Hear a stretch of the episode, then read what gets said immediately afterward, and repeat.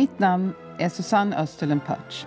Jag är född och uppvuxen i Mariehamn men är numera sommarålänning boende i Helsingfors där jag arbetar som arkivarie på ett traditionsarkiv och som postdoc-forskare i folkloristik. Det jag kommer att tala om i mitt sommarprat är något som vi alla har erfarenhet av. Någonting som vi vanligen är omgivna av men som vi ibland säger oss vilja fly ifrån. Jag ska behandla ett tema som i min mening har ett oförtjänt dåligt rykte, nämligen vardagen. Jag ska berätta varför vardagen har en oändlig fascination för mig. Men före det så vill jag spela Praise You av Fatboy Slim.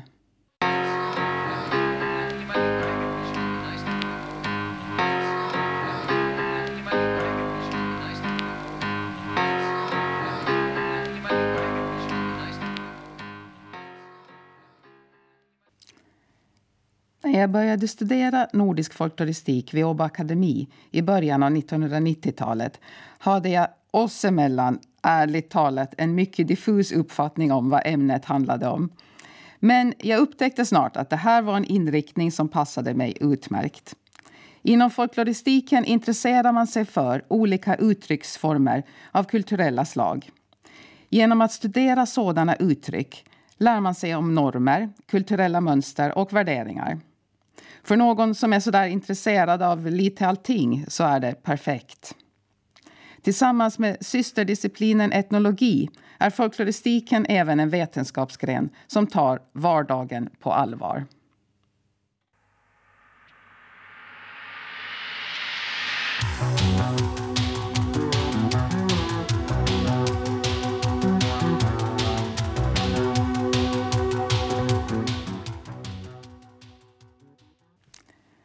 Det här var Talk Talk med låten Today. Är idag en vardag? Vad är vardagen? Går vi till en ordbok kanske vi får veta att vardag är en veckodag som inte samtidigt råkar vara en helgdag av något slag. Men hur vi uppfattar ordet vardag kan även bero på personliga omständigheter såsom till exempel arbetsförhållanden.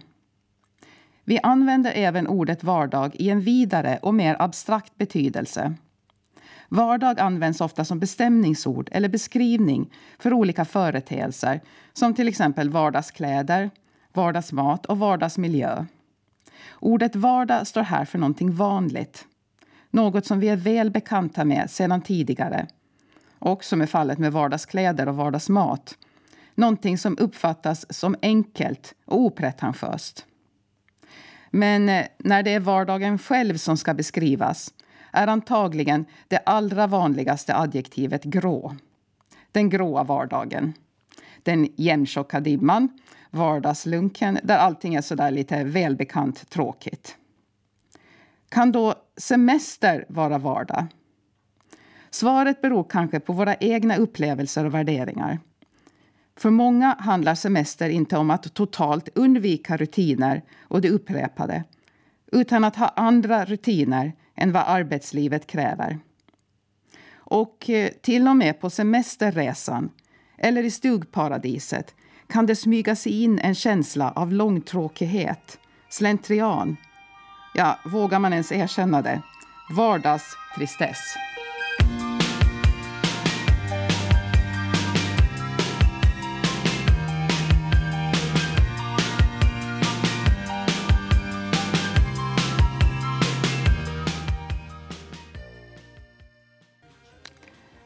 Det här var Matt Johnsons sammetsstämma som framförde This is the day. Och jag, jag vill fortsätta samtalet om en speciell dag, nämligen vardagen. Ett sätt att studera vardagen och våra vardagliga beteendemönster är att ifrågasätta det vi tar för givet. Att sätta det vanliga under luppen. Det här är någonting som man lär sig redan inom grundkurserna i kulturanalys. Men för mig så krävdes det en personlig och konkret händelse för att jag verkligen skulle inse detta. Och samtidigt väcktes en livslång fascination för vardagens mikrodetaljer. Mitt uppvaknande hänger samman med någonting så trivialt som marmelad till morgonmålet. Under mina första studieår delade jag en lägenhet med två andra åländska studerande. Vi delade alltid systerligt på tillfälliga lyxtillskott till vårt hushåll som exempelvis en burk marmelad. När jag dukade frukostbordet satte jag, som jag var van med hemifrån, en tesked i marmeladburken. Jag var totalt oförberedd på att Katarina skulle sätta en gaffel i burken när hon dukade bordet. Och jag var fullkomligt perplex när jag upptäckte att Camilla använde en kniv för att servera sig marmelad. Det är en så bagatellartad och på många sätt oviktig detalj. Men det hade helt enkelt aldrig slagit mig att använda någonting annat än en tesked för att skapa en marmeladsmörgås. Denna banala insikt var revolutionerande för mig. Hur svindlande full av variation och möjlighet vår vardag är. Och hur vi tar alla dessa små vardagens beståndsdelar för givet utan att ifrågasätta dem eller undra varför gör vi så här? Kunde det göras på något annat sätt? Vad är det jag inte ser som är rakt framför mina ögon?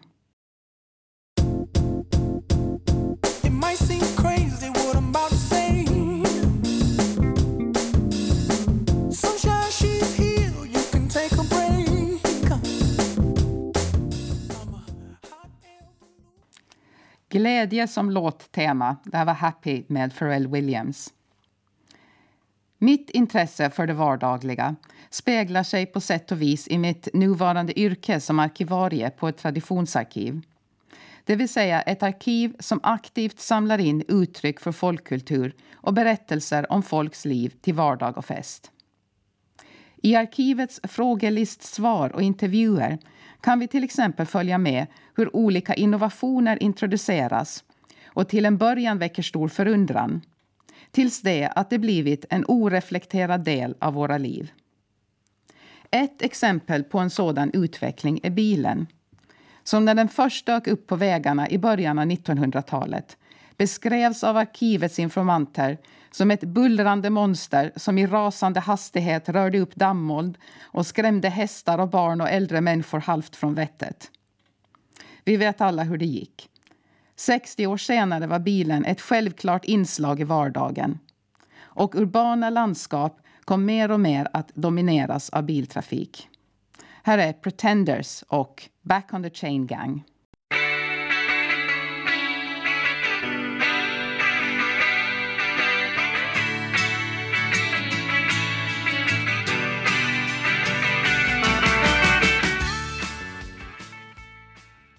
Vi vet inte vilka föremål som blir en integral del av vår vardag i framtiden.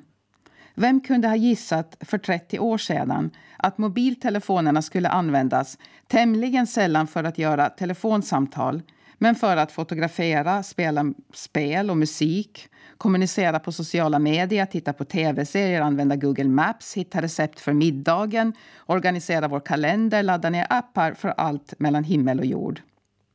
För många, speciellt yngre, är idag vardagen helt enkelt intimt sammanbunden för att inte säga otänkbar utan mobilen.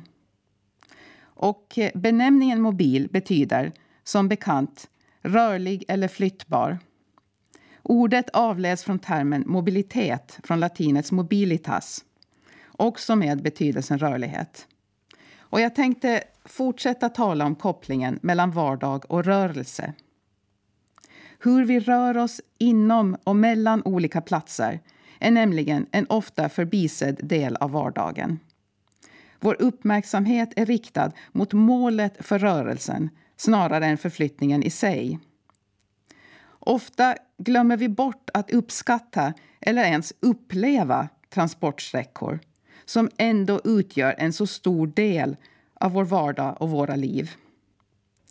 För att citera några välkända diktrader av Karin Boye. Nu finns det mål och mening i vår färd, men det är vägen som gör mödan värd. Faktum är att rörelse är avgörande för hur vi förhåller oss till olika miljöer. Går vi till fots? Åker vi kollektivt? Eller är vi i privatbilismens isolerande bubbla? Olika sätt att ta sig fram ger oss totalt olika upplevelser av landskap och miljöer.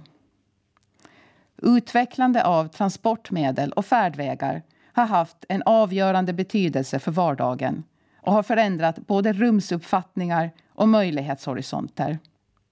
Och med tanke på möjlighetshorisonter, här är From the Morning av Nick Drake.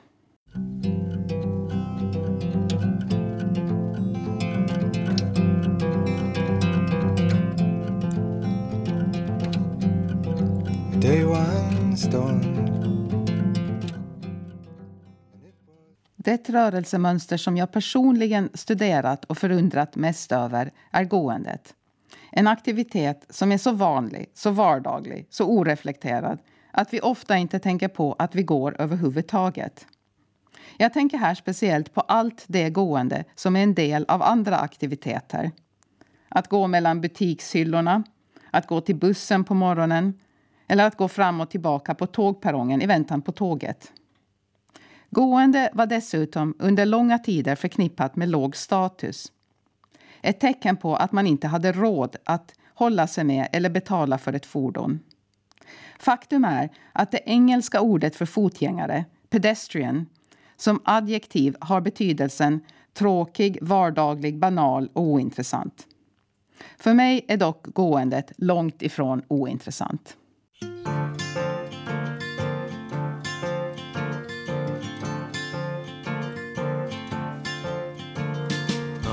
Rendez-vous à la brasserie du Café de la Paix. Ni hörde just den franska singer-songwritern Thomas Fersen med Au Café de la Paix. Och jag som sommarpratar här i Ålands Radio om vardagens fascination är Susanne Österlen Under många år har gående varit ett centralt forskningsintresse för mig. Det är faktiskt ett underbart tema att syssla med, för aspekterna är till synes outtömliga. Varför man går, olika typer av gångstilar och hur tolkar vi dem? De miljöer vi rör oss i när vi går och hur det påverkar vårt gående. Hur och varför man gått tidigare i historien och så vidare och så vidare. Hur vi går berättar mycket om samhället vi lever i. Det kan till exempel vara intressant att se på gående ur ett kvinnoperspektiv under historiens lopp. I många samhällen har det varit mycket viktigt hur en kvinna går. Det berättar om hennes position i samhället, hennes bildning och dygd. Detta att kvinnor bör kontrollera det sätt de går på har följt med genom århundradena. Och det har inte enbart handlat om hur kvinnor har gått utan även det att de överhuvudtaget har rört sig utomhus utan manligt sällskap. För det har ofta uppfattats som suspekt. Men det har även funnits olika taktiker att försöka undgå samhälleligt fördömande. Under medeltiden var pilgrimsvandring en möjlighet för kvinnor att skapa sig ett större rörelseutrymme. Faktum är att på ett flertal pilgrimsmål så utgjorde kvinnorna majoriteten av besökarna. Några av historiens mest välkända pilgrimsvandrare var kvinnor. Som till exempel den engelska Marjorie Kemp och svenska Birgitta Birgersdotter, mera känd som den heliga Birgitta. Och vi ska nu lyssna på den underbara Ella Fitzgerald med I'm just a lucky so and so.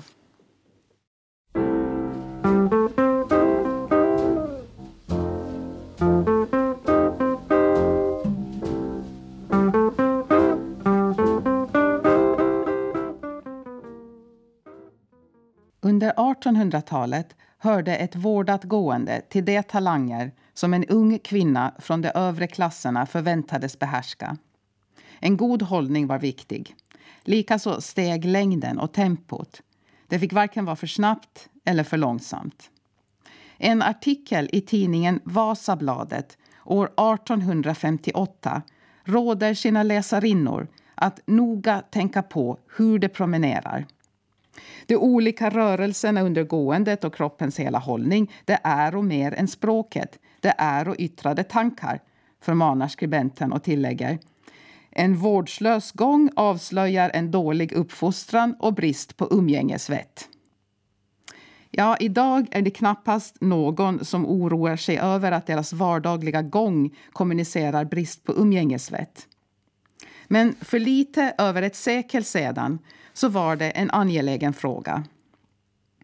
I offentliga miljöer var det speciellt viktigt att en kvinna av god börd skulle bete sig sedesamt vilket innebar att undvika röra sig ensam, att alltid hålla blicken nedsänkt, att gå målmedvetet men inte för snabbt. De urbana gatorna var männens sfär. Parker och butiksarkader var miljöer som även en respektabel kvinna från den övre borgarklassen kunde röra sig inom. Kvinnor från de lägre klasserna hade i viss mån en större rörelsefrihet men var, speciellt i urbana miljöer, samtidigt utsatta och placerades lätt i kategorin fallna kvinnor. Det är utgående från dessa könsbundna rörelsevillkor som frasen att gå på gatan har en helt annan betydelse för kvinnor än för män. Men det var inte bara allmänna uppfattningar och normer som begränsade kvinnors rörelsefrihet. Klädmoden genom tiderna har försvårat och till och med omöjliggjort kvinnors rörelsemönster.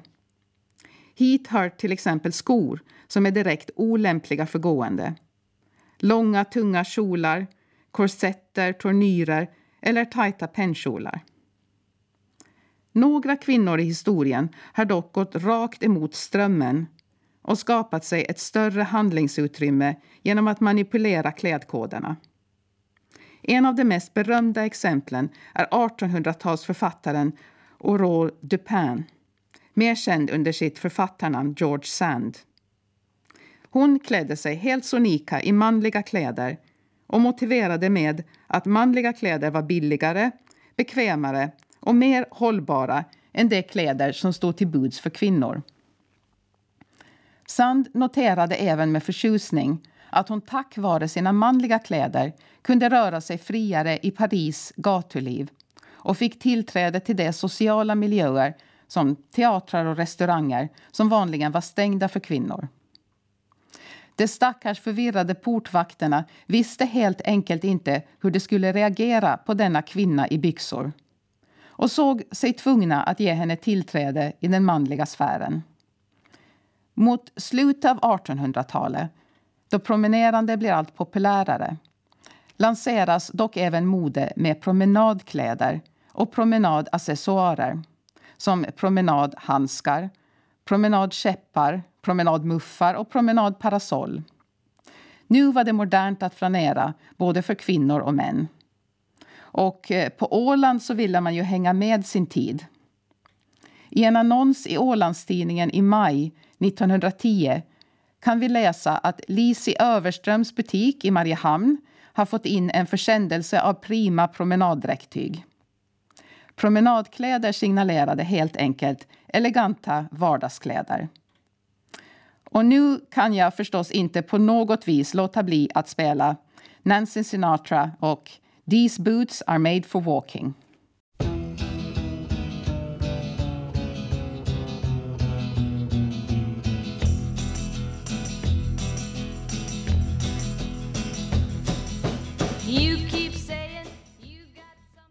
Vid sekelskiftet 1900 hade både promenerande i stadsmiljöer och vandrande i naturen från att varit någonting som endast de övre klasserna ägnade sig åt blivit beteendemönster som även hade en bredare folklig popularitet. Denna trend hänger samman med dels en uppskattning för naturen inom nationalromantiken som sammankopplades med en kärlek till det egna fosterlandet och dels med arbetslivets omorganisering. Plötsligt hade fler människor tillgång till fritid och uppmuntrades uppleva nya miljöer. Fotvandringar och cykelsemestrar låg i tiden. Det här är även turismens genombrott. Att resa blev småningom en del av vår livsstil. Någonting som man förväntades göra när man hade en möjlighet. På 1950-talet får bilsemestrande sitt genombrott och i slutet av samma årtionde introduceras chartersemestrarna. Idag så reser vi mer och längre bort än någonsin. Men med konsekvenser för miljön. Med tanke på koldioxidavtryck och vårt personliga klimatkonto är det kanske dags för en renässans för fotvandringar och cykelsemestrar. Och att upptäcka det som finns i vår närhet men som vi egentligen aldrig sett. Vad händer om vi börjar betrakta våra vardagsmiljöer med turistens nyfikenhet?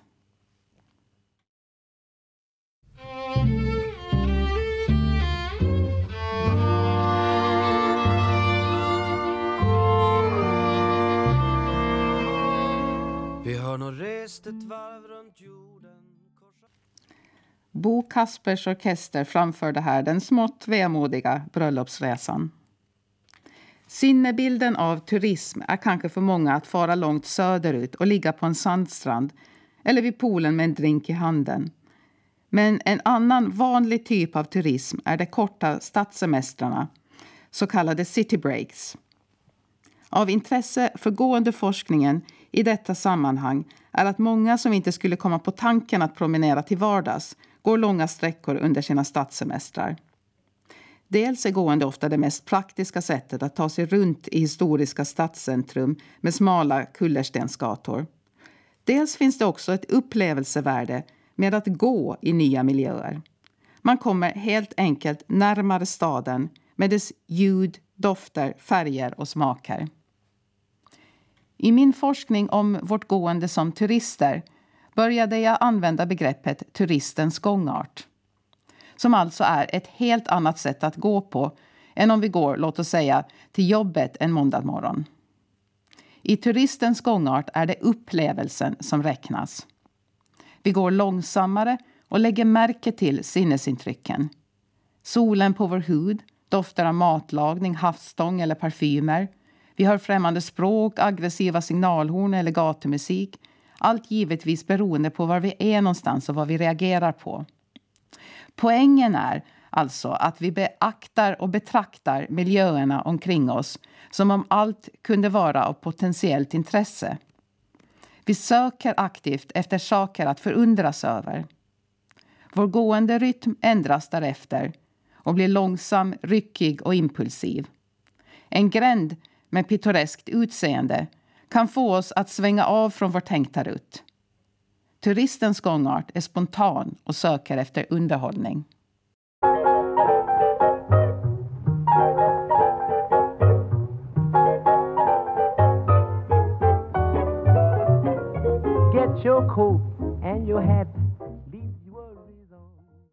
En klassisk inspelning. Nat King Cole framförde här Sunny Side of the Street. Någonting som kunde vara ett manifesto för vardagens kreativitet och turistiska gångart.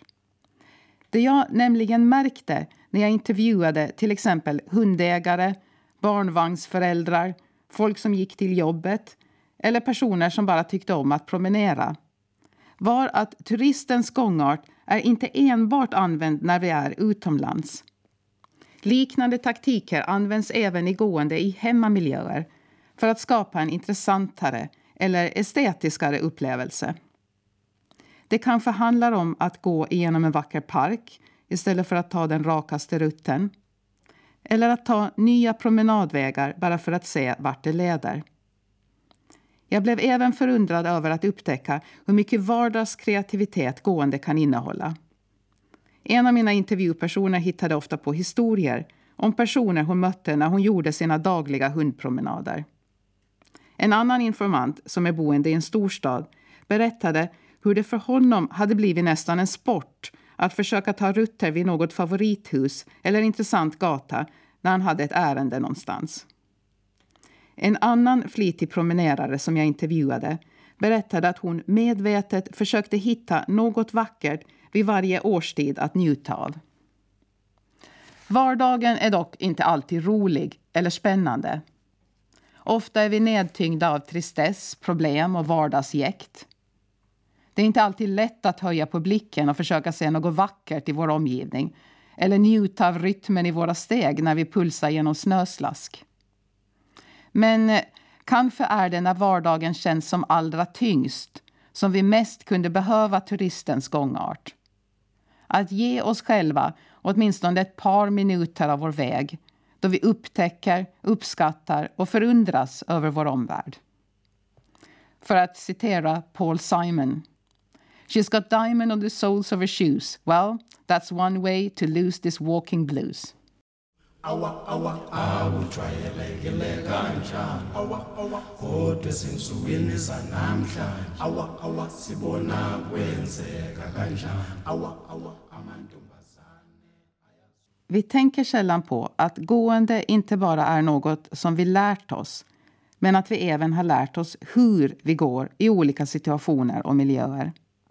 Från det att vi tar våra första stapplande steg som småbarn kan vi livet igenom samla på oss en mängd olika gångstilar. Under 1800 och 1900-talet var personers kroppshållning någonting som ofta anmärktes på. Scouter fick till exempel lära sig att gå med axlarna bakåtdragna och bröstkorgen framskjuten. Medan kvinnor ofta uppmanades öva gå med en bok på huvudet för att träna en god hållning. Tanken var alltså att en god hållning och rak ryggrad var en spegling av en god moral. Många gåendeformer är situationsbundna. Jag minns så väl när vi i grundskolan skulle lära oss skrida fram i Lucia-tåget. Långsamt och värdigt skulle det vara. Att skrida fram är en typisk gångstil för högtidliga tillfällen. Det är ingen gångstil för motionsrundan eller shoppingturen. Då är det andra rörelsemönster som gäller. Går vi i sällskap behöver vi kanske anpassa vår gångstil efter personerna vi går med. Det här var något som de personer jag intervjuade om promenerade hade olika lätt för. En del sade att det helt automatiskt ställde in sitt gångtempo efter sällskapet. Medan andra sade att det var oerhört svårt, till och med en totalt frustrerande upplevelse för dem att anpassa sig efter andras gångstil. Om man för ett engagerat samtal med sin promenadpartner och man samtalar bevisligen bra när man går tillsammans tenderar många dock att omedvetet sakta sitt gångtempo och koordinera sina rörelser. Att promenera med en god vän är förresten rankad som den allra populäraste fritidsaktiviteten i en svensk undersökning för några år tillbaka. Många anser att en kompispromenad är den perfekta kombinationen av att få motion, frisk luft och socialt utbyte. Men eh, vår gångstil är inte bara präglad av vårt sällskap utan även i högsta grad av de miljöer vi rör oss inom. Om det inte är så att vi har speciellt bråttom någonstans tenderar vi till exempel att helt automatiskt gå långsammare när vi kommer in i en park från att ha gått längs en gata med mycket trafik. Och de miljöer vi ofta går i och har gått i ofta sedan barnaåren så är präglad i våra kroppar och vår gåendeteknik. För en person som växt upp i en storstad med jämna underlag kan en skogspromenad över stock och sten vara en enorm utmaning. Och det här har jag själv sett, hur en familjebekant som bott hela sitt liv i London fann vårt åländska klipplandskap totalt omöjligt att röra sig igenom. Och vad vi sällan reflekterar över är hur svår en stadsmiljö skulle vara att navigera för någon som aldrig sett trafikljus, trottoarer eller flerfiliga gator. Kroppslig balans, omgivningens koder och förväntningar hör till vardagens tysta kunskap som vi knappt är medvetna om att vi besitter. Våra landskap de sitter i vårt kroppsminne.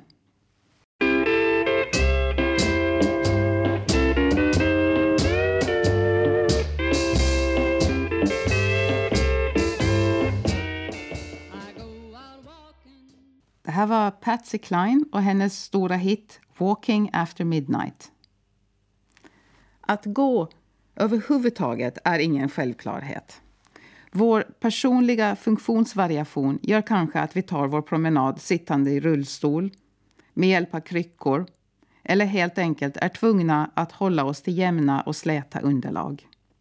För alla blir miljön i något skede ett hinder för att ta sig fram. Kanske en osandad, isig gata där vi är tvungna att hasa oss fram för att inte halka. Eller en trappa som känns alltför brant.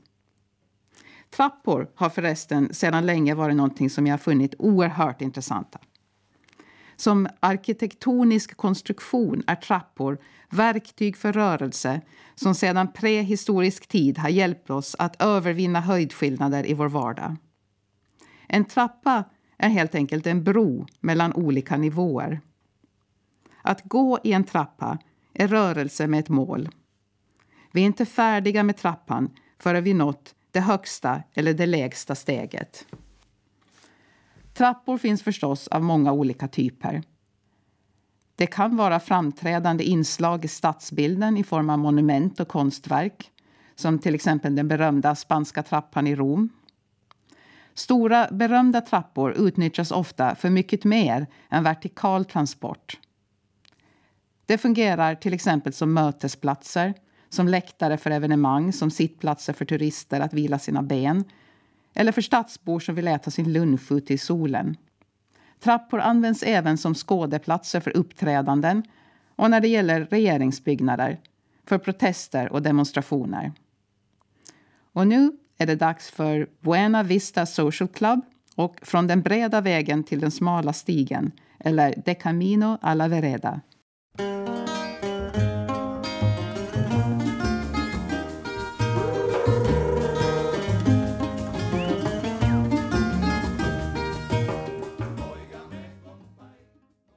En trappas steghöjd och stegbredd avgör hur vi bekväma vi befinner den och vilken rytm det ger flödet genom den. I någon mån så bryter en trappa alltid den vågräta gångrytmen. Att gå i en trappa är ett komplext samarbete mellan våra kroppar och den arkitektoniska strukturen. En process som arkitekten Alan Cunningham har beskrivit som ett mirakel av balans och koordination. Men det finns även något magiskt i trappans funktion. Den tar oss till en annan nivå. Redan långt tillbaka i tiden förknippades trappor med en mytologisk dimension. Trappstegsformade tempel byggdes till exempel i det forntida Babylonien, Java, Mexiko och Peru. Tanken att nå gudarna, himmelriket eller ett heligt tillstånd via en trappa eller en stege hittas jorden runt. Trappan som en symbol för en högre form av medvetenhet eller närhet till Gud finns inom alla världsreligioner. Även inom folktron har trappan ett symboliskt värde. Till exempel i anglosaxisk folklor var det tidigare vanligt för unga kvinnor att under halloween-natten gå ner för en trappa baklänges bärande ett ljus och en spegel. Tanken var då att man skulle få se ansiktet på sin tillkommande make i spegeln. Ni kanske tycker att jag är lite väl nördigt intresserad av trappor. Men jag är inte den enda. Kände ni till att det finns en vetenskaplig disciplin som är helt och hållet tillägnat studiet av trappor? Trappologin, eller trappkunskap. Ämnet grundades av tysken Friedrich Milke som själv har skrivit över 90 böcker om temat. Friedrich Milke har bland annat beskrivit hur tidsideal och sociala omständigheter speglar sig i trappors utformning. I privata hus har breda trappor med låga steg traditionellt varit ett tecken på välstånd medan bostäder för fattiga hushåll hade smala, branta trappor. Byggnader som representerade makt och överhet har ofta försetts med överdimensionerade trappor. Stående vid foten av en sådan trappa ska vi känna vår egen litenhet gentemot det tronande byggverket. Ödmjukheten ska upplevas i kroppen när vi är tvungna att jobba lite extra för att nå porten och inträde i byggnaden. Men eh, då offentliga byggnaders trapphus tidigare var ett tillfälle att imponera med material, bredd och dekorationer tenderar trapphus idag vara gömda bakom kraftiga dörrar för att användas som nödutgångar. Hissar, rulltrappor och ramper har på många platser ersatt trappan men samtidigt skapat en framkomligare miljö för ett större antal människor. Vi har alltid ett kroppsligt förhållande till trappor som förbindelselänk eller som hinder. Det är både en delad kollektiv erfarenhet och en intensivt personlig upplevelse. Därför fungerar trappor även som en laddad symbol världen över. Att gå överlag är förstås alltid en personlig upplevelse präglad av en mängd omständigheter både inom och utom våra kroppar. Någonting som den amerikanska poeten och kvinnosakskvinnan Mary Rapp tog fasta på när hon skrev den ofta citerade dikten Judge Softly. Don't find fault with the man that limps or stumbles along the road unless you have worn the moccasins he wears or stumbled beneath the same load. Döm alltså inte någon förrän du har gått i deras skor eller burit deras bördor. Samma tema här i musikalisk form. Depeche Mode och Walking in my shoes.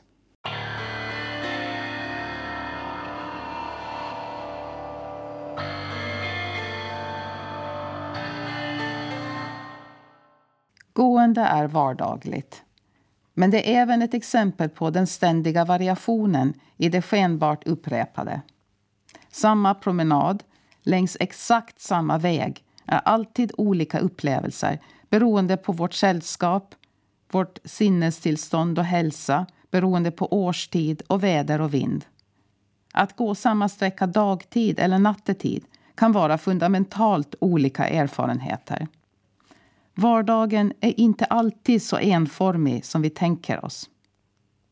Jag som har sommarpratat om vardagens gående heter Susanne Österlund Pötsch och jag vill nu avsluta med en av de potentiellt mest underbara gåendeupplevelser man kan ha.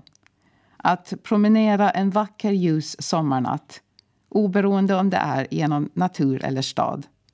Här dock, i underbara Monica Zetterlunds sällskap Sakta vi gå genom stan.